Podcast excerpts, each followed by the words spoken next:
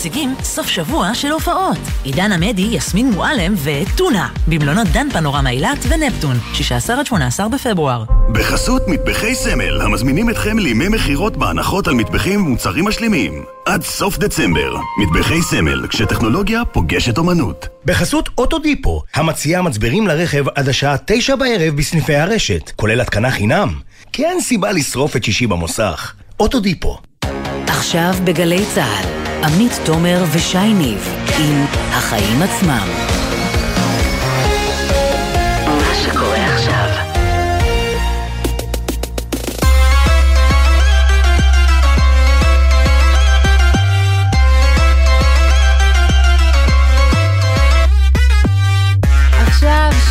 ושלוש דקות, אתם על החיים עצמם, התוכנית הכלכלית-חברתית של גלי צה"ל. אני עמית תומר, וכאן איתי באולפן שי ניב, תוכנית אחרונה שלנו ל-2022, שתכף נגמרת לה, וגם רגע לפני שיש ממשלה. נהיה עם כל זה בשבוע הבא. לגמרי, כן, חגיגי אה, מאוד. סך הכל הייתה שנה מוצלחת, אה, ובאמת יש לנו הרבה על מה לדבר היום. נעסוק בהרחבה בהסכמים הקואליציוניים ובקווים הכלכליים שהם משרטטים. נגיע גם לחלוקת התיקים הכלכליים בליכוד. שם uh, מעניין מאוד. בנושאים האלה ולא רק על אלה נדבר עם שניים, חבר הכנסת דני דנון מהליכוד ושרת הכלכלה היוצאת אורנה ברביבאי מיש עתיד.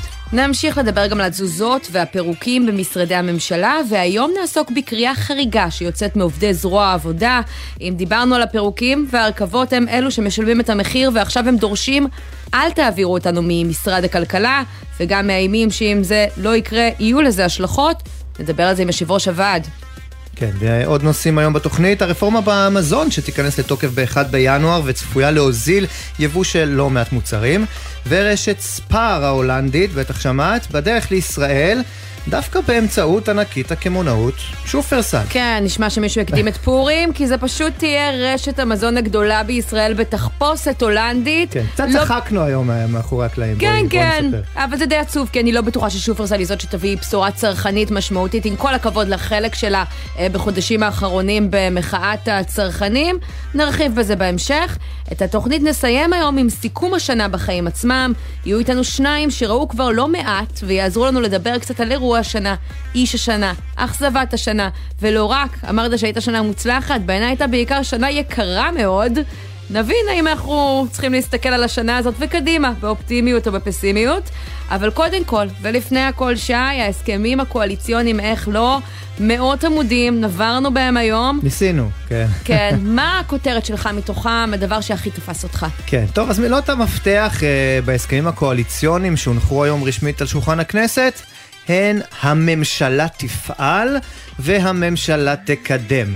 למשל, הממשלה תפעל לקידום, כן, חוק חינוך חינם גם בגילאים 0 עד 3. הממשלה תפעל לקידום שוויוניות בחינוך לכל המגזרים, נשמע טוב. מאוד. הממשלה תפעל לקידום רכבת מהירה מקריית שמונה עד אילת. למה אני נתפס על הממשלה תפעל? כי איכשהו לפני הבחירות כולם נשמעו הרבה יותר ספציפיים, במיוחד ראש הממשלה המיועד נתניהו. שימי לב כמה ספציפי הוא היה, למשל בעניין החינוך. עכשיו אומרים, אבל מה המקורות?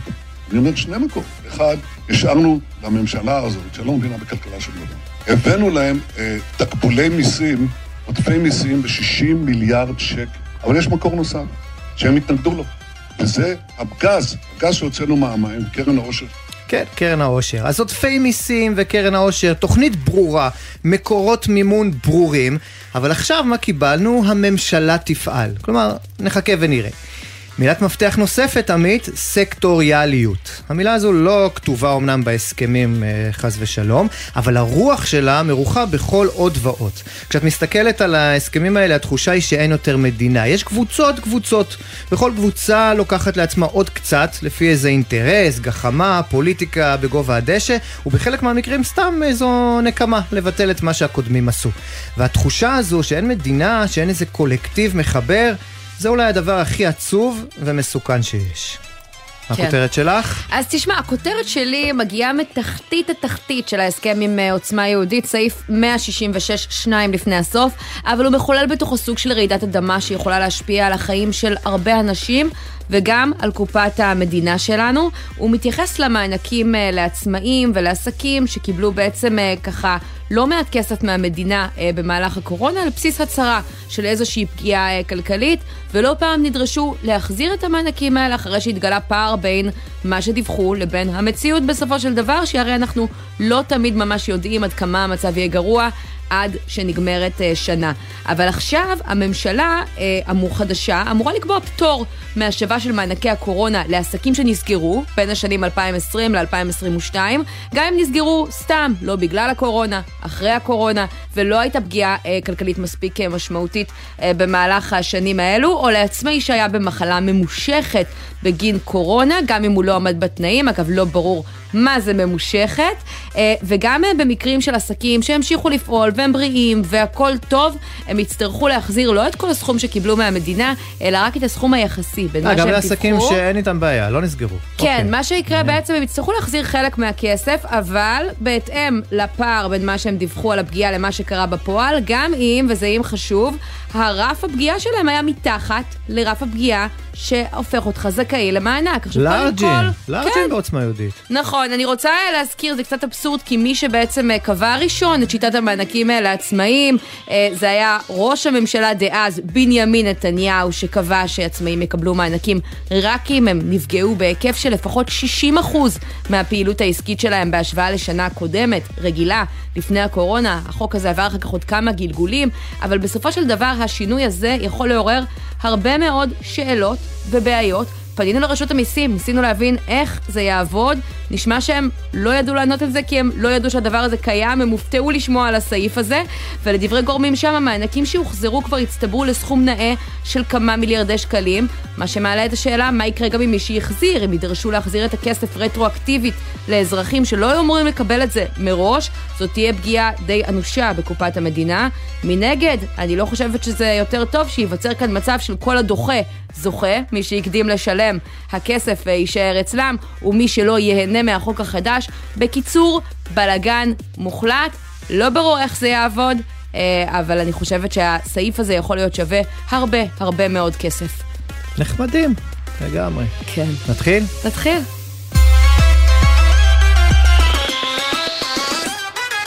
אז ההסכמים הקואליציוניים פורסמו היום סוף סוף, לא פחות מ-130 עמודים חדשים, לא כולל ההסכם עם יהדות התורה שכבר נחתם בתחילת השבוע ודיברנו עליו רבות, של הבטחות למפלגות השונות, אבל דבר אחד נעדר כמעט מכל הסעיפים, וזה לא פחות חשוב ממה שיש שם, כמה זה יעלה ומהיכן יגיע הכסף, מה שגורם לתהות האם לא מדובר במילים יפות, ללא כיסוי.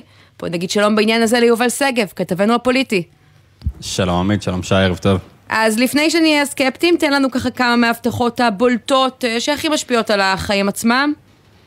טוב, אז הבטיחו, וזה גם דובר בקמפיין, כמו שאמרתם, על חינוך חינם אה, מגיל שלוש, ועל אה, הפחתת מהלכי בירוקרטיה, והרחבה של בנייה והפשרת קרקעות, ורפורמה בתחומים כאלה ואחרים, כמו הנמלים לצורך העניין, בהצלחה לליכודניקים הוועדים אה, אה, שם. כן, שוב, נמל אשדוד, הם כותבים. נכון, אה, וכמובן הרבה מאוד אה, רפורמות והרבה מאוד שינויים והרבה מאוד תקציבים שאומנם לא יקראו הסכמים קואליציוניים, ראינו את הדי ספין הזה של הליכוד אה, הבוקר שאומרים שאין כספים קואליציוניים בהסכמים הפעם, אז זה פשוט לא יעבור בפורמט הרגיל של כספים קואליציוניים מבחינת הניסוחים, אבל יש הרבה מאוד תקציבים שהם מה שנקרא כסף לא צבוע, כסף שהשר יכול להחליט לעשות איתו פחות או יותר מה שהוא רוצה, זה מאוד בולט לצורך העניין במשרד של יצחק וסרלאוף, בנגב גליל, שהוא קיבל שם הרבה מאוד כסף שהוא יוכל לעבוד פחות או יותר עם איזה עיריות ופרויקטים שהוא רוצה, אה, וגם אה, במשרדים אחרים, אה, בתקנים רבים שיקבל לצורך העניין גולדקנופ, 25 תקנים שכתובים בהסכם הקואליציוני, זה די חריג שמגדירים כמה תקנים של אנשים מטעמו השר יוכל למנות, אז אמנם ניסו ככה לעשות סיבוב של אין כספים קואליציוניים במובן הקלאסי, אבל יש הרבה מאוד כסף שיחולק בצורה מאוד אישית בדרכים שונות. יובל. יש לנו איזושהי אומדן אה, שמגיעה מצד האנשים שניסחו את ההסכמים האלה, לכמה הדבר הזה יעלה? לא, אין, אה, אין עדיין סכומים, צריכים לשבת על כל סעיף עם משרד האוצר, עם אנשי משרד האוצר בגדול, לצורך העניין על ה... שצריך להגיד, זה אה, מאוד חריג שהם לא עשו את זה עד עכשיו, בדרך כלל מתייעצים תוך כדי המשא ומתן. נכון, אז היו נושאים שישבו עם אנשי משרד האוצר. לצורך העניין, הסיפור הגדול של החינוך החרדי, של העלאת המימון של המדינה למוסדות שאינם אה, מלמדים ליבה, על זה היו ישיבות של אה, יהדות התורה עם אנשי משרד האוצר. הנתון שדיווחנו עליו אז, לפני משהו כמו שלושה שבועות, דיבר על חמישה, שישה מיליארד אה, שקלים אה, בשנה כדי באמת אה, להגיע לרמת תקצוב דומה, גם במוסדות אה, חינוך שלא מלמדים אה, ליבה, אבל בהרבה מאוד מהנושאים שכתובים כאן, וכמו שאמרתם, זה נורא יפה להגיד, תפעל, תשאף וכולי. אה, אין עדיין ירידה לפרטים, לסעיפים התקציביים, לעלויות. יש טענה שיש הרבה מאוד כסף עודף, זה לא כל כך מדויק במציאות, מה גם שיש רואים... הרבה מאוד דברים שצריכים להספיק לפני התקציב. כן, אנחנו רואים בהסכמים שהממשלה החדשה מתכוונת להגביל את היכולת לחוקק חוקים שיש להם איזושהי משמעות תקציבית של, עלות תקציבית של למעלה מ-50 אה, אה, מיליון שקלים, אלא אם יש רוב של למעלה מ-61 חברי כנסת. אני יכול להבין את הרציונל, מצד שני אני מניח שבאופוזיציה מאוד לא יאהבו את זה. אה, נכון, זה גם איזשהו אירוע שהוא לא בדיוק שגרתי, יש לו היגיון, אני מסכים איתך שיש לו היגיון ויש כאן אה, דברים שיכולים אה, אה, אה, אומנם אה, כביכול להעביר מהלך שהוא אה, יותר, אה, אני יודע, עם נראות ציבורית יותר טובה, אבל יש גם הרבה מאוד מהלכים שזה יוכל לעכב, שזה יוכל למרוח, כי בסוף 50 מיליון שקלים במונחים של מדינה זה לא כל כך הרבה כסף, והרבה פעמים זה סכומים שיש עליהם את המנגנוני פיקוח דרך ועדת כספים, דרך מקומות אחרים כדי לוודא שהם עדיין כשרים ובסדר, אה, אבל אה, לא נדרשים את כל הבאמת... אה, ההליך הפרוצדורלי הזה של ההצבעה בכנסת שהוא לא כל כך שגרתי. כן, ולסיום, תספר לנו בשעה זו חלוקת התיקים בליכוד, מה אנחנו כבר יודעים להגיד על הפאזל שם? טוב, אז אנחנו יודעים להגיד אה, בליכוד על שר הביטחון יואב גלנט ועל שר התיירות חיים כץ, שזה גם כמובן עם אה, נגיעה אה, כלכלית משמעותית. Mm. שר המשפטים יריב לוין, גם זה די צפוי, אבל בחלק מהתפקידים הכלכליים עדיין בכלל לא ברור, אנחנו מדברים גם על משרד הכלכלה שעוד לא ברור מי יגיע לשם, גם על משרד התחבורה, שזו כנראה תהיה מירי רגב, אבל כבר ראינו הפתעות היום ומדברים בסביבת נתניהו על כך שיהיו עוד הפתעות בהמשך, אז גם זה לא כל כך בטוח, משרד התקשורת שעוד לא ברור מי יהיו שם. וכל מיני אנשים שלא בסוף... כל כך מרוצים ואולי אפילו זועמים, כמו ששמענו, ישראל כץ. די מדהים אגב איך כולנו הספקנו לשמוע שהוא זועם. אתה יודע, אצלי הקטנה בבית, כש, כשלא שמים לב שהיא זועמת, אז היא עושה קצת רעש וקולות כדי שנדע, כן. אז כנראה שזה גם בליכוד קורה. כן, גם, גם, גם סיבוב יפה כנראה של לשכת נתניהו, שנתנו לישראל כץ את התחושה שהנה הוא הולך לקבל תיק בכיר, והוא הולך להיות שר אה, חוץ, ראשון ברוטציה וכולי. כן. ויכול להיות שכל זה היה סיבוב סתם כדי קצת... לא אגיד להשפיל, אבל הנה אמרתי. יובל שגב, כתבנו הפוליטי, תודה רבה. תודה. ונגיד שלום לחבר הכנסת דני דנון מהליכוד, לשעבר גם שגריר ישראל אה, באו"ם, ערב טוב. שלום, ערב טוב לכם ולמאזינים. אתה בינתיים אה, בצד הזוהם, אפשר אה, לומר או לנחש, נכון? זוהם זו מילה שאני לא חושב שהיא מתאימה למצב הרוחי הערב. רגע, אבל אני עמדתי לשאול אם רק אה, חבר כנסת, או שגם אתה מצפה מהפתעות אה, לנתניהו, מנתניהו בהמשך היום. תראה, אנחנו כרגע כולם ממתינים בסבלנות, אה, ניפגש עם ראש הממשלה המיועד היום בלילה, נשמע אותו, נדון בדברים, ואני מניח שעד מחר בשעה ארבע התמונה תתבהר. הדבר החשוב הוא שנרכיב ממשלה, נשלח את לפיד ואת שרי השמאל הביתה. נתחיל במלאכה של באמת אה, שינוי של סולם הערכים וסדרי העדיפויות, כמו שהבטחנו לבוחרים שלנו. תשמע, יש לך היסטוריה, יש לך היסטוריה ארוכה עם אה, נתניהו, אתה יודע, היית חלק ממה שנקרא קבוצת המורדים, אה, עשית לא פעם ככה רעש מולו, פעם אחת הוא במרכאות העיף אותך לחלל, כן, להיות שר החלל, אחר כך לאו"ם. לאן הפעם הוא יכול לשלוח אותך בשביל שככה לא תעשה לו בעיות? תראה, אם אני לוקח את כל הדברים שאמרת ומתאר אותם בתיאור אחר, אולי יותר מדויק, אז באמת יש לנו היסטוריה ארוכה, אנחנו שנים ביחד, הוא מינה אותי לתפקיד אה, שר בממשלה שלו וגם לתפקיד שגריר ישראל באו"ם. אה, חמש שנים עבדנו בצורה מאוד אדוקה בזמן כהונתי באו"ם, עשינו דברים שחלקם עדיין לא ידועים לציבור. אז כן, אנחנו עבדנו ביחד, אבל אני כן מביע את עמדותיי, אני נאמן לדעות שלי, ידוע כאחד שכן אה, אה, פיו וליבו שווים. אז נשמע שהציפייה שלך שזה... היא לקבל תיק היום. אני חושב שאם מסתכלים על הפרמטרים השונים, אם זה הניסיון אה, בכנסת, בממשלה, באו"ם, אם זה המיקום ברשימה לפי הדירוג של מתפקדי הליכוד, אני חושב שכן אני נמצא ברשימה של אלו שצריכים להיות בממשלה הבאה. אבל אנחנו נבוא, נדבר. כן. אני לא חייב להיות שר, זאת אומרת, בעיניי זה רצון זו שאיפה. אבל uh, ראיתי פעם באחת הממשלות שמינו שר לענייני מים או לענייני חשמל, זה דבר שאני אעדיף אה, לוותר על הכבוד גם הזה. בממשלה הזו, עם כל הכבוד, יש לא מעט אה, תיקים כאלה, אה, חבר הכנסת אה, דנון. שר לענייני, אגב, השכלה גבוהה, גם זה היה אולי... אה, אני לא חושב שזה קיים. אז אז אני אומר, התיקים האלו... אפשר הם תמיד לבנות, אתה. יודע, כבר ראינו הם תיקים. מומצאים, Mm. ובמקרה הזה אני אוותר על התענוג, ואני אשרת את הציבור שבחר בי. לא, גם לכם אה, יש את שר. מורשת ושר ירושלים, את שר הנגב והגליל ושר הפריפריה, היו כמה המצאות. תראה, נגב הגליל הוא תיק שכבר הרבה שנים קיים, והתיקים האלו פחות נמצאים בליכוד, אבל יכול להיות שאת צודקת, יהיו תיקים כאלו שאת יודעת, אה, זה בעצם אגפים של משרד שלקחו ופירקו אותם למקומות שונים. אני חושב שזה לא תקין, אני חושב שכן צריך לתת אה, לשרים את היכולת, את האחריות, אבל כן, את שואלת אותי על תחושותיי היום, אז אני כן רואה היום במפלגות השותפות שלנו אה, שרים שמקבלים שני תיקים, או עוד אגפים ממשרדים שונים ששייכים לליכוד, התח- התחושה היא לא הכי טובה, לכן אנחנו נהיה חייבים אה, לאפס את הנושאים האלו בתוך הקואליציה ולהבהיר שאנחנו מובילים את הקואליציה הזאת. הליכוד היא המפלגה הגדולה ביותר, אנחנו צריכים לומר לשותפים שלנו, אנחנו הולכים לקחת את המושכות, להוביל, אה, כן. זה לפי דעתי תהליך שיתחיל ממחר. בהקשר הזה שמענו, אתה אומר, אני לא זוהם, אתה גם נשמע יחסית נינוח, אבל קודם אה, היית די עצבני לפי ההדלפו- ההדלפות לפחות בישיבת סיעת הליכוד, אמרת שלא מקובל שעשו מה שרוצים בהסכמים הקואליציוניים, עם מה שם אתה מרגיש פחות בנוח? לא, קודם כל הציטוטים לא מדויקים, בגלל זה אני מתראיין, אני אומר את אה, מה שאני חושב בתוך החדרים ומחוץ לחדרים. אני אמרתי בצורה מאוד מכובדת וממלכתית ש, שיש חשיבות לכנס את סיעת הליכוד. אנחנו לא התכנסנו אפילו פעם אחת מאז הבחירות לכנסת. ואני חושב שכן חשוב שחברים ידברו, ישמיעו את דעתם. אבל ענתה לך שם. ענתה לך שם אה, חברת הכנסת גילה גמליאל, אה, אה, חברת סיעתך, היא אמרה כן, אפשר להשפיע, השפענו, אני למשל, היא אה, הכניסה שורה של אה, סעיפים להסכמים הקואליציוניים בתחום אה, הגנת הסביבה, אז אה, יכול להיות שמי שרצה כן השפיע, ואני לא יודע, אולי אתה יותר התעסקת בעניינים הפרסונליים. לא, היא לא ענתה לי, אבל זה לא חשוב, אני חושב שכן היא ענתה היה מקום לכנס לכם. לכנס את הסיעה, לקיים דיונים, לדבר על מה שקורה במשא ומתן.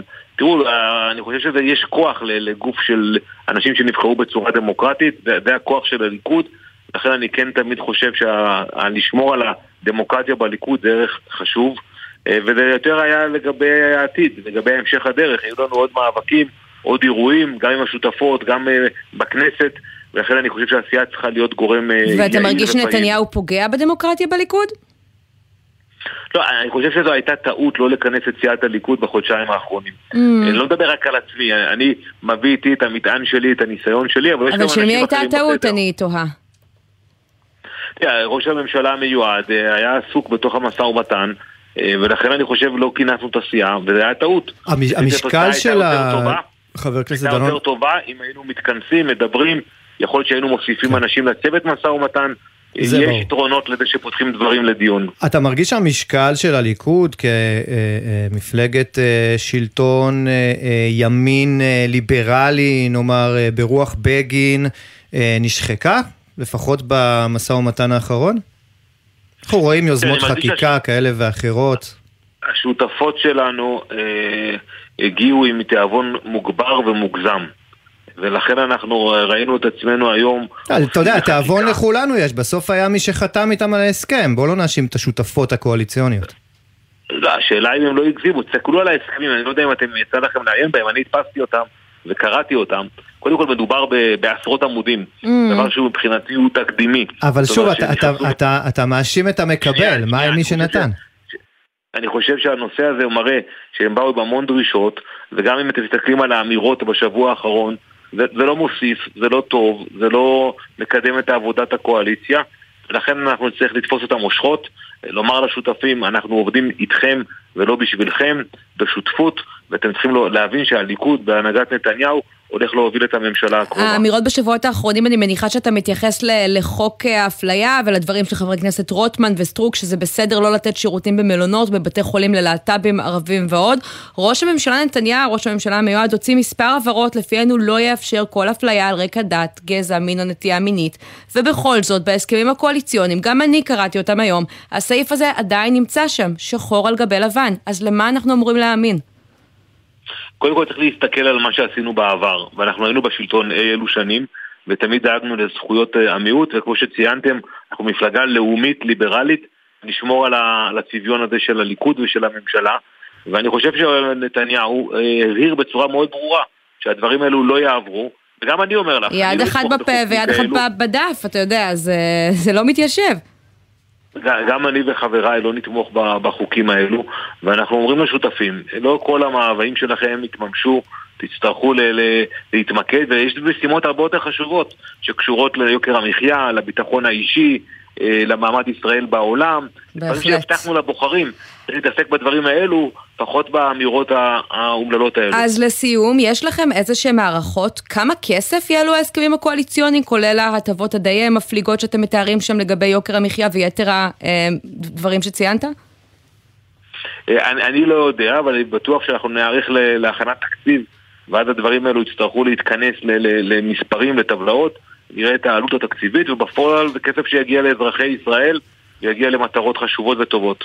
חבר הכנסת אה, דני דנון מהליכוד, אולי יותר מזה, נראה בהמשך היום. תודה רבה ששוחחת איתנו. תודה, ערב טוב. ובהצלחה.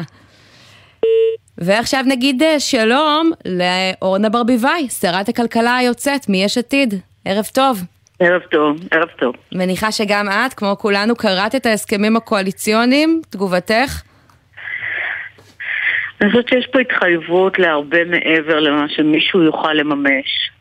ומישהו יצטרך להסביר, או שהוא יתחייב ומעולם לא התכוון לממש את זה, אז uh, בוודאי uh, יצטרך להסביר לציבור מה הוא עשה, או שאם הוא יממש, זה דבר הרבה יותר מסוכן, משום שהתקציב שה, המיועד לכל מיני דברים שהוחלטו שם, משמעותם על חשבון הציבור, לשנות סדרי עדיפויות באופן קיצוני, כך שבמקום לעודד עבודה ופריון, מעודדים אה, אה, גחמות של כל מיני אוכלוסיות, כך כדי, כדי שהכלכלה אה, הישראלית לא תוכל לצמוח בשנים הבאות. אבל אמר נתניהו כבר במהלך אה, הקמפיין, והזכרנו את זה קודם, אה, יש כסף, יש מקורות, אה, אה, יש עודפי אה, גבייה, יש, יש, את קרן ה, יש את קרן העושר, אז אה, יש גם אה, למי לתת.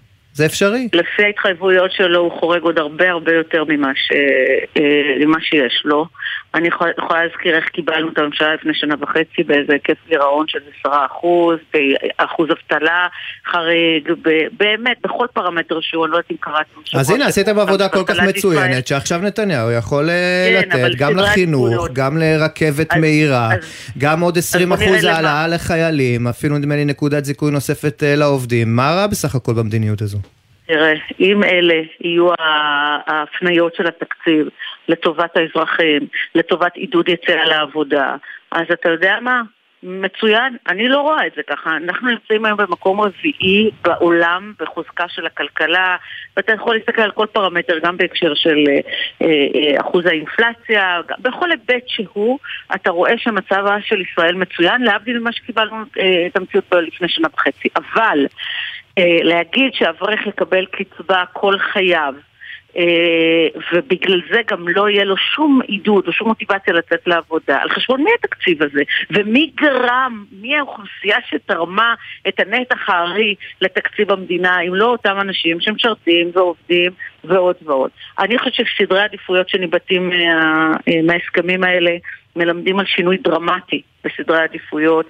אני חושבת שאנשים שעובדים כבר היום, מעמד הביניים ומעלה, יעבדו עוד הרבה יותר קשה כדי לתרום לאוכלוסייה שיכולה לתרום בצורה מצוינת. תראו, בשנה וחצי האחרונה, אני, האחרונות אני עסקתי בעידוד יציאה של חרדים לעבודה, ועשינו mm. דברים נפלאים. אני יכולה להראות לכם איך נשים חרדיות כבר משולבות אחד לאחד אה, בהשוואה לנשים שהן לא חרדיות.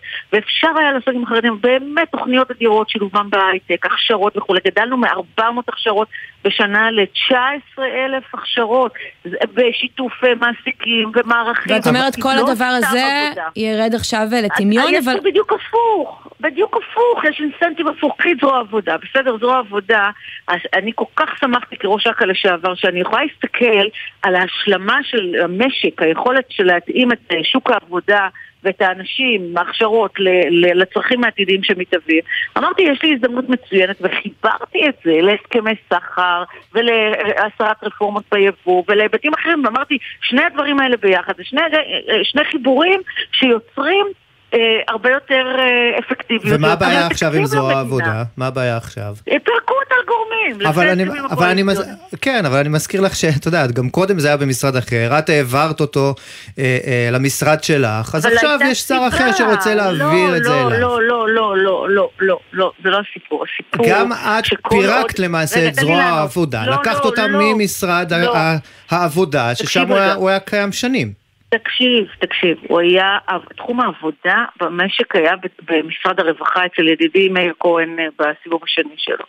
והייתה הבנה של לפיד כראש ממשלה, שנכון, וגם של מאיר ידידי, נכון להעביר את זה למשרד הכלכלה, משום שעבודה לא צריכה להיות באוריינטציה של רווחה, היא צריכה להיות באוריינטציה של הכשרה, של השכלה טכנולוגית של, שצריך לפתח.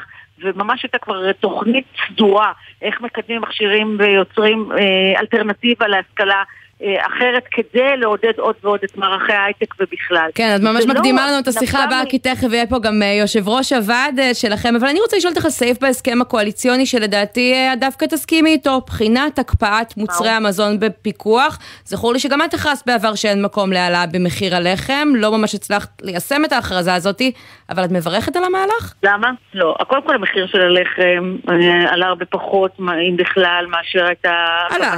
פחות, אבל עלה.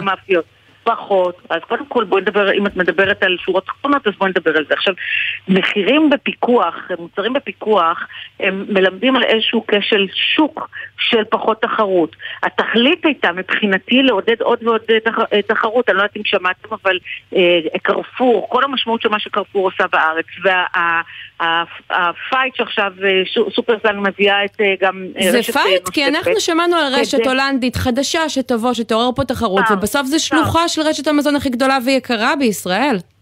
הרעיון הוא להביא יותר מתחרים לשוק, וככל שתהיה תחרות יותר גדולה, וככל שנאפשר יבוא מקביל, לא, לא, לא מוגזם חקיקה. אגב לייחס את ההגעה של קרפור ועכשיו של ספאר לתוך שופרסל אגב לא, אה, מה למ- שכן, מה- לממשלה הנוכחית?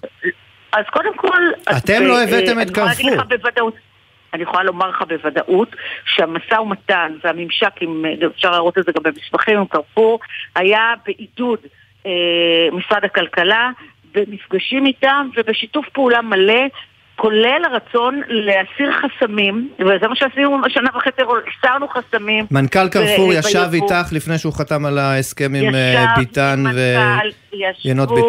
קודם כל פגשתי אותם, גם פגשתי אותם אה, Mm-hmm. בחו"ל, כחלק מהרצון להגביר הסכמי סחר, חתמנו על הסכם, הסכם סחר יוצא מן הכלל עם האמירויות ועם עם כלל מדינות האזור, פיתחנו את הקשרים הכלכליים. כל התכלית הייתה לפעול במקביל בכמה חזיתות כדי להגביר את התחרות. ואני חייבת לומר שכאשר מסירים את החסמים, אז אפשר לראות איך גם חברות נוספות אומרות, אוקיי, עם ישראל אפשר לעשות עסקים, כי יש פחות ופחות חסמים. אני לא יודעת מי ימונה כשר הכלכלה, זה האמת אה, מביך לראות שיום לפני המינוי שלו עדיין לא יודע שר הכלכלה הבא מי הוא במקום להיערך ולהתארגן, והייתי שמחה מאוד כן. לשבת איתו ולהעביר לו חפיפה מסודרת, אבל אני מקווה מאוד שיהיה מי שיהיה, שהוא ימשיך את המאמץ הכביר שלנו להסרת תקנים ייחודיים ול... והכי אה, חשוב, להורדת יוקר המחיה. שמקדמת את הורדת המחיר, וכל הפעולות האלה ביחד שציינתי, זאת התכלית שלהם, להוריד את יוקר המחיה, ואנחנו רואים שבהתערבות כזאת או אחרת, זה אפשרי בהחלט, גם בהשוואה לעולם.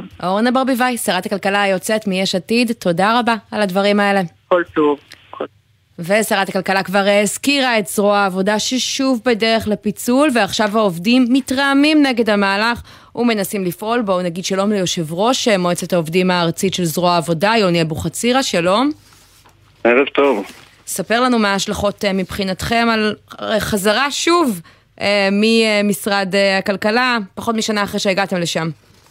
לפני ההשלכות, קצת בקצרה, כל מערכת בחירות מדברים על להעביר את זרוע העבודה, פעם אחת פוצלנו, בשנת 2016 העבירו אותנו ממשרד הכלכלה למשרד הרווחה, שינו את שם המשרד למשרד העבודה והרווחה, לאחר שנה וחצי שוב פעם מערכת בחירות, והפעם מחליטים להחזיר אותנו ממשרד הרווחה למשרד הכלכלה.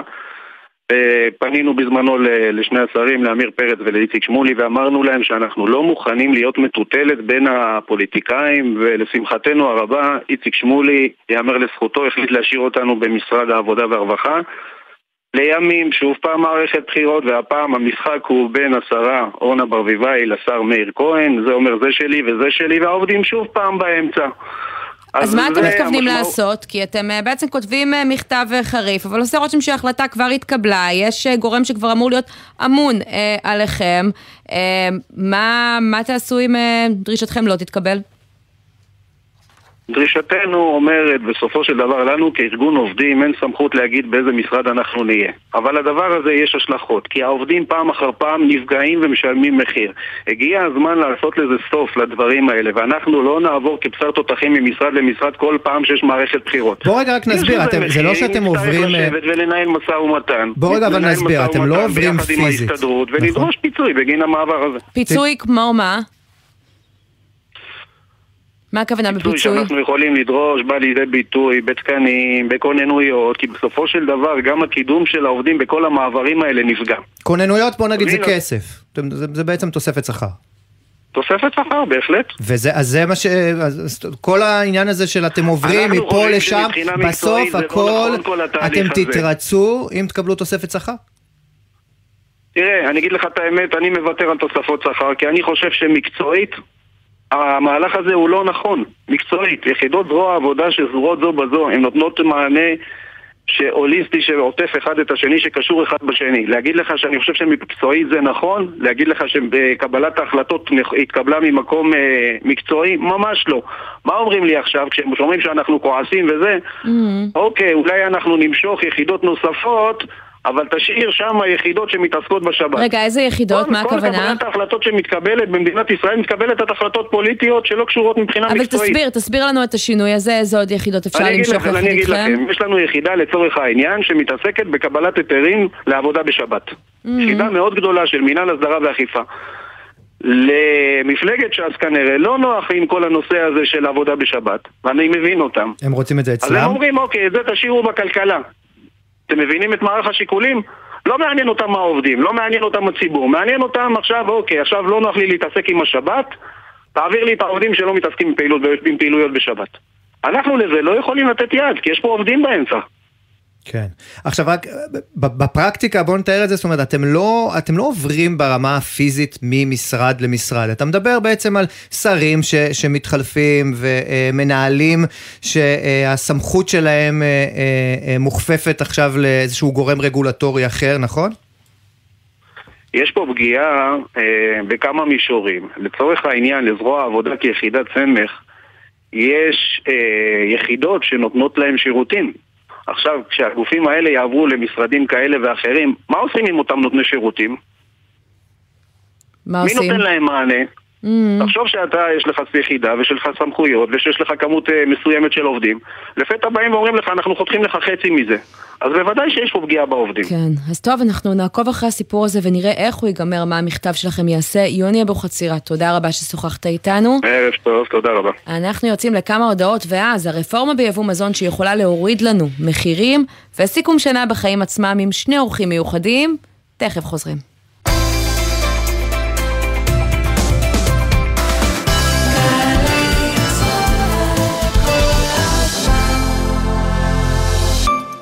להיות דיפלומטית בשירות החוץ זה מקצוע שהוא הכל חוץ משגרתי, עם השפעה ומשמעות. מסקרן? אם את ואתה מחפשים קריירה מרתקת, הגישו מועמדות למסלולי ההתמחות בדיפלומטיה במשרד החוץ. כך תוכלו להשפיע על החוסן הלאומי של מדינת ישראל ויחסי החוץ שלה. חפשו ברשת התמחות דיפלומטית במשרד החוץ, קורסי צוערים. הורים יקרים שלום, מדבר יוסי בן שמחון, ראש ענף הבטיחות בדרכים בצה"ל. במשך כל השבוע אנחנו מתאמצים לשמור על הבנים והבנות שלכם, כי בטיחותם חשובה לנו. סוף השבוע בפתח והם בדרכם הביתה. הם יצאו לבלות, להתאוורר, לנקות את הראש, ואנו מבקשים מכם לעזור להם לעבור את זה בבטחה כדי שיוכלו ליהנות גם בשבוע הבא. ולתפארת מדינת ישראל. ביום העצמאות יש לנו הזדמנות להתרגש ולהצדיע לאנשים ולנשים שהם הפנים היפות של מדינת ישראל. עכשיו זו ההזדמנות שלכם להמליץ ולהשפיע על בחירת מסיעי המשואות ביום העצמאות ה-75 בסימן חלוציות. אתם מכירים חלוצות או חלוצים בעבר ובהווה? הראשונים שהפכו ועדיין הופכים רעיונות למעשים וחלומות למציאות? היכנסו עוד היום לאתר מרכז ההסברה במשרד התרבות והספורט והמליצו על מסיעי המשואות הבאים, נשים וגברים. עוד פרטים בטלפון 050-6222-945. תודה ממרכז ההסברה, המטה לטקסים ולאירועים ממלכתיים, משרד התרבות והספורט. אתם מרגישים שהקריירה עומדת במקום? הנה ההזדמנות להגיע רחוק יותר. מצטרפים לתעשייה הישראלית, הקולטת אלפי עובדים ועובדות במגוון תחומים, ונהנים מתנאים מעולים, תפקידים מעניינים, קידום, שכר גבוה, והכי חשוב, ביקוש תמידי שיכול להבטיח עתיד יציב ובטוח. תעשייה ישראלית, קריירה מרתקת, מתחילה כאן. לפרטים חפשו ברשת תעשיינים בישראל, משרד הכלכלה והתעשייה והתאחדות התעשיינים בישראל. קוטנר, מה קורה? הכל טוב. תאמין לי, אתה כמו יין. משתבח עם השנים, אה? לא, שלא יודעים מה לבחור. נכנסתי אתמול לעוד גל"צ. מצאתי שם גם את הסדרות המדהימות שלך, על אריק איינשטיין, על הביטלס מלפני לא יודע כמה שנים, וגם את הג'ם מהשבוע. באמת התלבטות קשה. גלי צה"ל גאה להציג עוד גל"צ, זירת התוכן האיכותית בישראל. חפשו את לשונית עוד גל"צ בעמוד הראשי של יישומון גל"צ גלגלצ ותוכלו ליהנות מקשת התכנים המלאה של שידורי גל"צ. חדשות, תרבות, מוסיקה, היסטוריה, תוכניות ארכיון, הופעות חיות, הסכתים ותכנים בלעדיים. היכנסו עכשיו לעוד גל"צ ביישומון גל"צ גלגלצ. עכשיו בגלי צה"ל, עמית תומר ושי ניב עם החיים עצמם. חזרנו ועכשיו אנחנו לרשת ספייר ההולנדית. הבטיחו לנו לפני מספר חודשים שהיא בדרך לישראל עוד רשת מזון חדשה, בינלאומית, זרה, כדי לעורר פה תחרות. אבל היום יוצאת הודעה לעיתונות לפיה שופרסל תהיה בעלת מניות מרכזית בה. הסניפים יהיו סניפי שופרסל ברובם, אה, שבעצם אה, יוסבו אה, לספייר, או במילים אחרות, אותה רשת גדולה ויקרה רק ב... תחפושת הולנדית. עינב קרנר, כתבתנו לצרכנות, את איתנו בעניין הזה? אכזבה, אה? אה תראי, קודם כל צריך לומר ש... אה, אה, רשת שופרסל חוזרת לעמית זאב שהוא בעל הזיכיון הבינלאומי שעבד, בזמנו לא עבד, סליחה, היה מנכ"ל רשת ינות ביטן מקבוצת אלקטרה שהיא בעצם מביאה את קרפור אה, לארץ ובעצם המהלך הזה הוא מבטל להם בעצם את הניסיון לחדור לשוק עם מותג בינלאומי. לשאלתך, כן, יש פה המון שאלות שתצטרכנה להישאל ולא בטוח אגב שרשות התחרות יכולה להתערב בעניין הזה בדיוק כמו שהיא לא התערבה בנושא של אה, קרפור. אגב, גם אם משרד הכלכלה עדיין לא שמעתי תגובות בעניין הזה שהרשת הקמעונאית הכי גדולה הולכת למהלך כזה שבעצם תביא לכאן רשת בינלאומית ותחזק אותה גם במותג הפרטי, אנחנו מדברים על עשרות, על, על, אה, סליחה, כעשרת אלפים מוצרים מיובאים שברגע שרשת שופרסל אה, תכניס את המותג הזה לארץ אז הם יוכלו לייבא עשרת, אה, עשרת אלפים מוצרים. בנוסף לחמשת אלפים המוצרים שלה שכיום המותג הפרטי תופס כמעט 25 אחוז מהרשת אה, בכל הנושא הקמעונאי. כלומר זה יהיה עוד סוג של מותג פרטי, עוד מותג נוסף על המדפים של אה, שופרסל. ובואי נקרא ל- לילד בשמו, עינב, אם חשבנו שאולי ספאר תהיה איזה שחקן נוסף אה, בשוק הזה, אז שופרסל בעצם אה, בולעת, אה, בולעת את השחקן, בולעת את התחרות. נכון, אין ספק שהיה עדיף שגם, אגב, גם בקרפור, למרות שהיא קטנה, צריך לומר את זה שהיא יותר קטנה משופרסל, אבל בוודאי כשמדובר על שופרסל, אין ספק שאם אנחנו באמת רוצים לעודד פה תחרות אמיתית, היה עדיף שתבוא רשת בינלאומית שהיא בעצמה תקים את הרשת כאן בארץ, סניפים חדשים, בעלות אחרת, ואז באמת תהיה פה תחרות אמיתית, זה לא כל כך ישנה. יכול להיות שזה כן ישנה ממה שראינו בימים, בשבועות האחרונים, ששופרסל התפתלה מול ספקים אה, ולא לא רצתה להעלות מחירים, ובסוף היא כן העלתה מחירים, אז אולי זה ייתן לה באמת כוח פה מול הספקים אה, אה, אה, כרשת אה, גדולה, אבל ללא ספק כמה תחרות זה ייצור, לא בטוח שזה ייצור תחרות אה, אם בכלל. אה, ולכן, אבל אין ספק שכן מדובר פה במהלך יותר מול אה, רשת אה, קרפור, מול אלקטרה בעצם, שחשבה שהיא תיצור פה את הבידול הזה ותביא עוד איזשהי שחקן בינלאומי, ועכשיו זה מגיע מעוד רשת אולי הכי, הכי חזקה, הרשת הקמעונאית הכי חזקה, אבל בואו באמת כן. לראות שזה צריך לעבור עוד את אישור ספר העולמית, זה גם צריך לעבור את רשות אישור התחרות. רשות התחרות שלא בטוח שתיתן אה, יד אה, למהלך הזה כשמדובר לא בשני גופים כל. כך גדולים וחזקים, אבל השאלת השאלות האמיתית עינב שהכי רלוונטית לחיים של כל אחד מאיתנו תהיה, עד כמה זה ישפיע לנו על הכיס, ואת זה רק הזמן ילמד. תודה רבה בינתיים. מחזק, ורק משפט אחרון עמית כן. אה, וניב, זה, רק, זה, זה, רק, זה רק מחזק את זה שהממשלה שתקום צריכה לטפל באופן מיידי בכל הנושא של הריכוזיות במשק, בריכוזיות בשוק המזון, ואולי להוציא לפועל מהלכים שאולי הם ייתנו את המענה לתחרות האמיתית וגם לכיס של הצרכנים. בהחלט. עינב קרנר, כתבתם על צרכנות, תודה רבה. תודה לכם.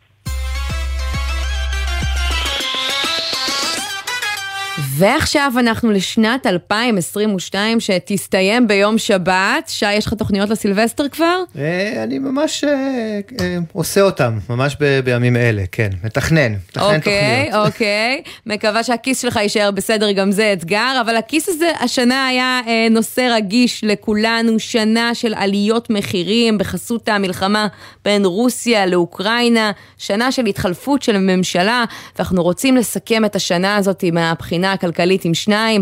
סמי פרץ, שלום. אהלן. הצלע השלישית שלנו, מגיש החיים עצמם וגם פרשן בכיר בדה מרקר, וגלית חמי, אהלן?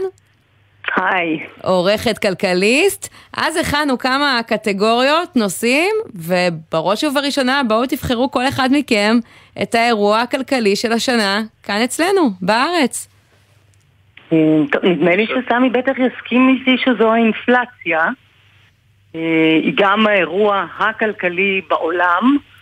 איש לא חזה שתהיה כזו התפרצות של ביקושים שנפגשו עם עלייה במחירי חומרי גלם, בקשיים בשרשראות האספקה, שכל אלה באמת הולידו אינפלציה במונחים שאיש לא חזה אותה. ולמעשה היא הכניסה אותנו לתוך אה, עידן חדש של אה, העלאות ריבית במשק וסיומו של עידן הכסף הזול. אז גם לא חזינו את האינפלציה, השאלה גם אה, האם, האם אנחנו יודעים אה, כאן בארץ ובעולם להתמודד עם האינפלציה? עוד שאלה. או, כן, אז אנחנו רואים את נגיד הבנק האמריקאי, הבנק המרכזי האמריקאי נחוש להילחם בה, זה עדיין בשלב הנחישות, וגם פה בארץ כמובן, אבל uh, מעניין לראות שיש לזה הרבה מאוד השלכות, כלומר זה מתחיל ממשקי הבית, שכמובן זה משפיע באופן מיידי וישיר על יוקר המחיה שלהם, עד לתעשיית ההייטק, שאנחנו ראינו בחודשים האחרונים את האוויר שיוצא ממנה, שהיא פרחה והגעתה בסביבה נטולת ריבית, ועכשיו היא למעשה חווה איזשהו תהליך של התפכחות. שאפשר להגיד שהוא די בריא, כן? למשק Mhm. הכלכלה, אבל הוא כמובן תוצר לוואי של אה, אותה, אה, אותה, אותן העלאות ריבית. סמי? תס- אני מסכים עם גלית שהאירוע הכלכלי הדרמטי בעולם הוא האינפלציה, אה, באמת מושג שנעלם מהכותרות בשני העשורים האחרונים, חזר בגדול, אילץ את הבנקים המרכזיים להעלות ריבית, ובעיקר להסתכן בגלישה למיתון, הם עדיין ככה משחקים על העניין הזה של איך גם בולמים אינפלציה וגם לא גולשים למיתון, עם כל ההשלכות של זה כמובן על שוק ההון, על שוק הנכסים, אה, כמובן על ההייטק ששגשג בתקופה של ריבית אפסית, אבל האירוע הכלכלי של השנה בישראל לדעתי אה, זה לא אינפלציה, אלא אינפלציה רק במחירי הדירות, זינוק של 20% במחירי הדירות. סינוק באמת זה העלה. בעצם את המחיר של דירה ממוצעת בכמעט חצי מיליון שקלים. ואת יודעת, אנחנו מדברים הרבה על יוקר המחיה, ומחיר הפסטה, ומחיר האורז, ומחיר הקפה, או מחיר ה-whatever. כמה זה אבל במשכורות? אנחנו מדברים פה על משהו שהוא, אתה יודע, כל הוזלה וכל רפורמה שאתה לא תעשה ביוקר המחיה, לא תצליח לקזז את העלות האדירה שיש עכשיו לרכישת אה, דירות.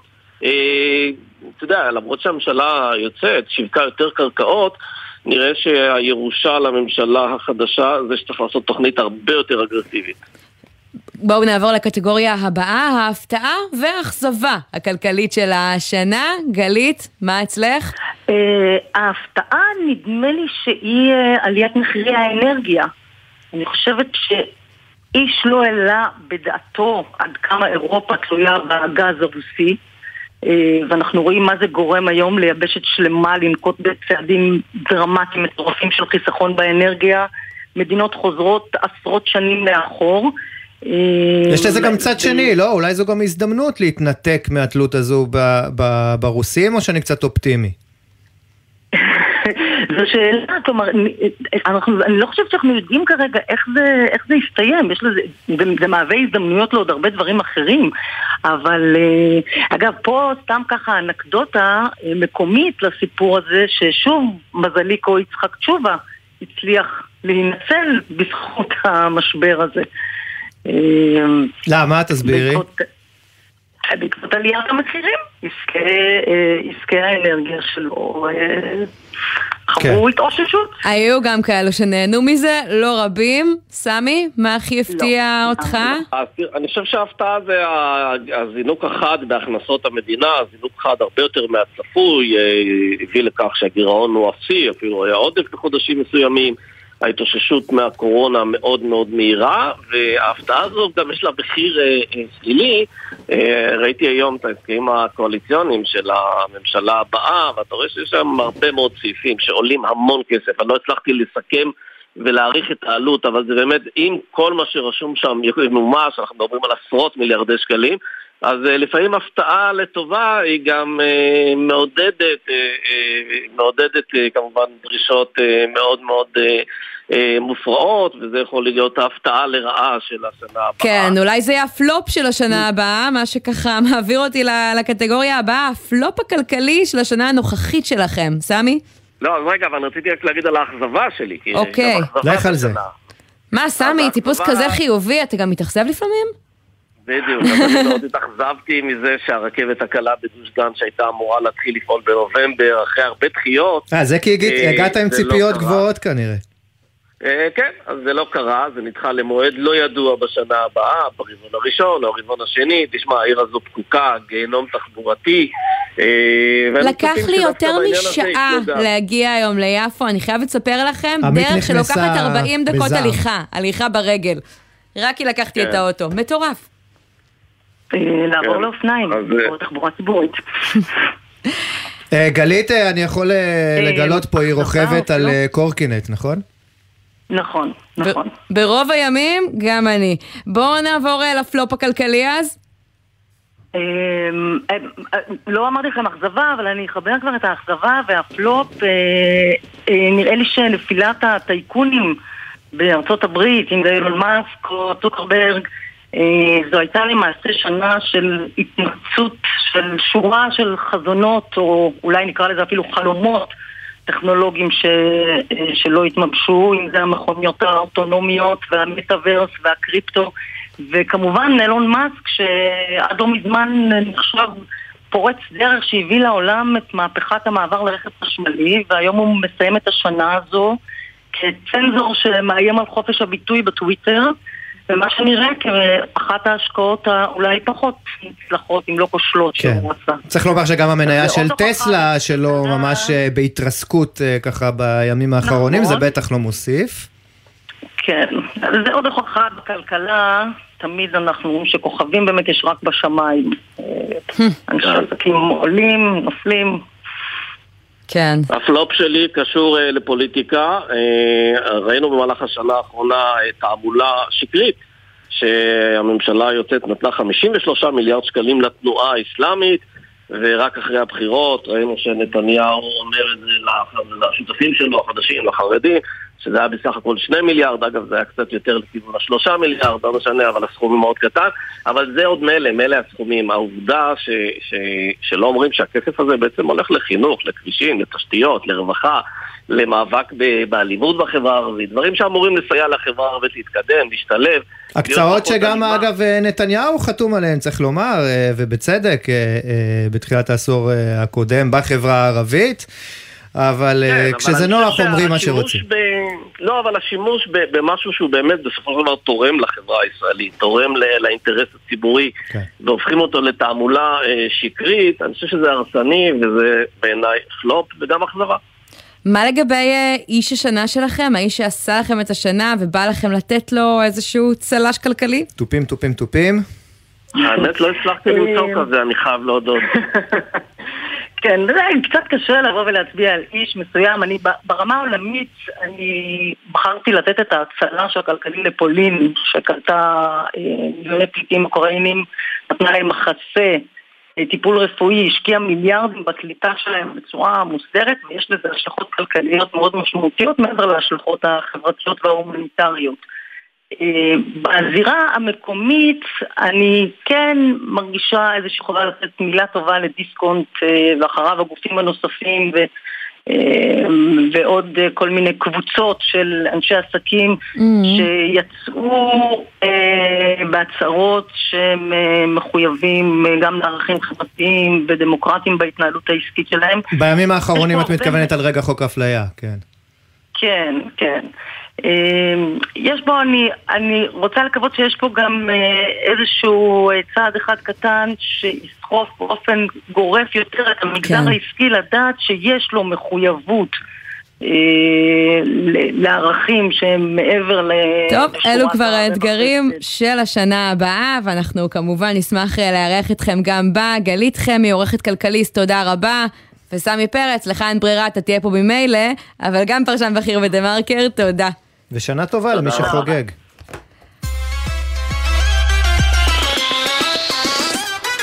לקראת סיום קופצים לרפורמה ביבוא שתיכנס לתוקף ביום ראשון וצפויה להוזיל יבוא של עשרות מוצרים על ידי ביטול עשרות תקנים שספציפיים לישראל. בוא נגיד שלום לשרון אלרועי פרייס, ראש שירותי בריאות הציבור במשרד הבריאות. אהלן? ערב, ערב טוב, אהלן. אז שרון, הרבה זמן אתם אה, מתכננים את הרפורמה הזאתי. תוך כמה זמן אתם מעריכים שההשפעות שלה יגיעו אלינו לכיס? זו שאלה מצוינת, אני חושבת שזה מאוד תלוי בכמות היבואנים אה, שבעצם אה, יהיו אה, איתנו. אה, כרגע הנתונים אה, מאוד טובים, אנחנו רצינו להתחיל את הרפורמה הזאת כשיש לנו 100 יבואנים נאותים רשומים, אנחנו נתחיל את הרפורמה כשיש מעל ל-100, זאת אומרת היבואנים מצביעים ברגליים ונרשמים, אה, ולכן אני מניחה שבעתיד הנראה לעין היבוא יוקל תוך שמירה על בריאות הציבור, ואני מקווה שזה יתגלגל גם להוזלה של יוקר המחיר. בואי נזכיר רק, אנחנו מדברים על אה, מוצרים אה, אה, כמו ריבות, שוקולד, רכיזי עגבניות ומיץ עגבניות, קמח, חיטה, שימורי ירקות, שמני מאכלי צמחיים, פסטה, סודה ועוד ועוד ועוד, שככה ממש בראשון בינואר כבר עוברים לתקן אירופי. אבל תראי, יש שורה של מוצרים שעברו לתקינה אירופאית רק ב-2026, ואני שואל את עצמי, מה יש ב-2026? למה צריך לחכות? לחכות עד אז? אז אה, קודם כל התהליך הזה הוא תהליך הדרגתי, אנחנו רוצים לוודא אה, שבאמת אנחנו שומרים על בריאות הציבור. הנושא של רגולציה הוא נושא שהוא חשוב אה, ואנחנו לא רוצים לשחרר את הכל, אבל אנחנו גם לא רוצים אנחנו רוצים לעשות את זה בצורה מידתית. אז כמובן שבתהליך כזה אתה קודם כל מקל בדברים שאתה חושב שהם פחות מסוגני, מסוכנים. חייבים להגיד שדברים שאנחנו חושבים שהם מאוד מסוכנים, אה, הרבה זמן, אם בכלל מתישהו יוקלו. מוצרי חלב היית קוראת זמן. להם מאוד מסוכנים, כי מצד שני גם פער המחיר בין ישראל לבין העולם הוא אדיר, ויש אפשרות באמצעות הרפורמה הזאת לצמצם אותו משמעותית. נכון, אז כבר עכשיו עשרות מוצרים נכנסים לתוך הקטגוריה הזאת, כמובן דורש שהיבואן יהיה נאות ויעשה את התהליכים שהוא צריך לעשות כדי לעמוד בסטנדרט הזה, אבל כבר עכשיו עשרות מוצרים נכנסים. אני כן רוצה להדגיש שיש מוצרים רגישים מאוד שלא ייכנסו, לא אה, מוצרי אה, אוכל לתינוקות, לא מוצר יהודי, ש, מזון יהודי שמגיע לבתי חולים ולמוסדות, אה, לא תוספי תזונה שהם חלקם הם על הגבול של תרופות. אבל יש גם אה, דבש למשל, ואנחנו תוהים נכון. מה, מה רע בדבש שמגיע אלינו למשל מצרפת עם תקן אירופי, למה הוא צריך תקן ישראלי? אז דרך אגב, אנחנו ראינו בדבש שמגיע מכל מיני מקומות אה, זיהומים, אה, ולכן אנחנו רוצים בדברים שאנחנו אה, מאמינים שיש סיכוי, סיכון או לזיופים או לזיהומים אה, יותר חמורים, לא לעשות את זה בשלב הראשון, בשלב הראשון להכניס את הדברים שאנחנו מאמינים שהם פחות מסוכנים, יותר בטוחים, ולקחת את הרפורמה הזאת אה, בצורה בטוחה לציבור. כן, אז שרון, נתתם פה באמת ככה מתנה יפה ליבואנים, שאמורה להיות מתנה אלינו, הציבור, כי זה מפשט להם בעצם הרבה בירוקרטיה וגם הרבה כסף בדרך. האם אתם תאכפו באיזושהי דרך שהם מגלגלים את ההוזלה הזאת אלינו, ולא רק שומרים את זה לשורת הרווח שלהם? זו שאלה מצוינת, חשבתי שאת הולכת לשאול משהו אחר. אה, אנחנו נאכוף את החלק של בריאות הציבור. בסוף אנחנו רוצים להקל ברגולציה אה, ולדאוג לזה ש, אה, שאנחנו עושים את זה בצורה בטוחה. אה, אז אנחנו, אנחנו לא אה, בודקים מחירים אה, בשווקים, אבל אנחנו כן נבדוק בשווקים את החלק שהיבואנים עומדים בסטנדרט שהם התחייבו אליו, כן. ויבואן שלא יעמוד יאבד את הסטטוס שלו כיבואן נאות ויחזור לייבא במסלול המייגע. שרון אלרועי פרייס, אנחנו חייבים לסיים, נגמר לנו הזמן, תודה רבה על הדברים האלה.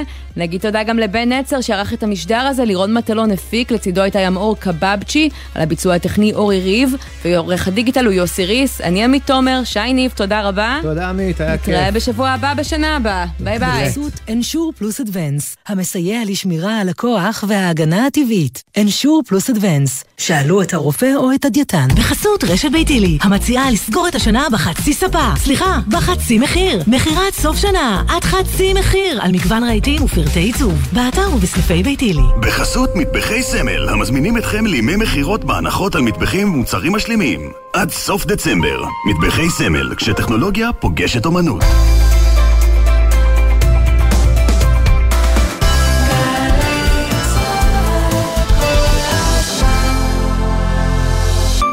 בפעם הראשונה שראיתי את נכדותיי, עמדתי מעבר לרחוב.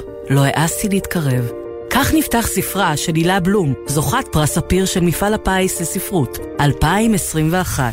ומי יהיה הספר הזוכה השנה בפרס ספיר של מפעל הפיס? אם אתם אוהבים סיפורים, בטוח תאהבו גם ספרים. הצטרפו אלינו לטקס ההכרזה על הזוכה ב-2 בינואר ב-11 ורבע בלילה בקשת 12. אתם לא תציבו בעסק שלכם שלט אין כניסה לאנשים עם מוגבלות. זה לא כלכלי, לא מוסרי, וזה גם לא חוקי. אבל זה מה שאתם עושים כשאתם לא מנגישים את העסק שלכם. בעלי עסקים, במהלך שנת 2023, אכיפת הנגישות תכלול גם קנסות. עסקים שאינם נגישים יהיו חשופים לתביעות ולקנסות גבוהים. עדיין יש לכם הזדמנות להנגיש את העסק ואת האתר שלכם, כי החובה שלכם היא הזכות שלנו. מידע נוסף באתר נציבות שוויון זכויות לאנשים עם מוגבלות. חדשות טובות לחברות התובלה ולנהגי המשאיות. מיזם לילה טוב מתרחב. מהיום משנעים מטען כללי מהנמל, משלוש בלילה עד שש לפנות בוקר, ומקבלים עד 300 שקלים מענק על כל הובלה. לפרטים חפשו מיזם לילה טוב בגוגל. מגישה חברת נמלי ישראל, עוגן חשוב לכלכלת ישראל. המענק כפוף לכתב התחייבות. אחותי, על מה את מסתכלת? שימי לב לכביש. כאן רבת קריסטינה וידצקה, שוטרת צבאית מהיחידה המרכזית לפיקוח תעבורה. אני יודעת שיש לך הרבה להספיק, כי יצאת הביתה רק לכמה ימים. אבל בחייך, כשאת על הכביש, שימי את הטלפון בצד והתרכזי בנהיגה. אין הודעה חשובה מספיק ששווה את החיים שלך. את הווייז אפילו לפני הנסיעה, ואל תתני לשום דבר להסיט את העיניים שלך מהכביש. כי בשנייה אחת אפשר לאבד שליטה על הרכב ולהיפגע. אני סומכת עלייך אחותי. גם אני מחויבת לאנשים שבדרך עם הרלב"ד. ספי ויניר פותחים את הבוקר. הבוקר למשל בגלי צה"ל, בגלי צה"ל, בדרכי לירושלים, מה לעשות פקקים. ואז אתה שומע אה, תוכנית דווקא לא רעה בכלל, עם יניב קוזין, עיתונאי מצוין, פרשן מצוין. מצוינת, תוכנית מצוינת. תוכנית מצוינת, הנה אתה רואה, בוא נפרגן. ספי עובדיה ויניר קוזין, ראשון עד רביעי בשמונה בבוקר, רק בגלי צה"ל. מיד אחרי החדשות, עידן קבלר.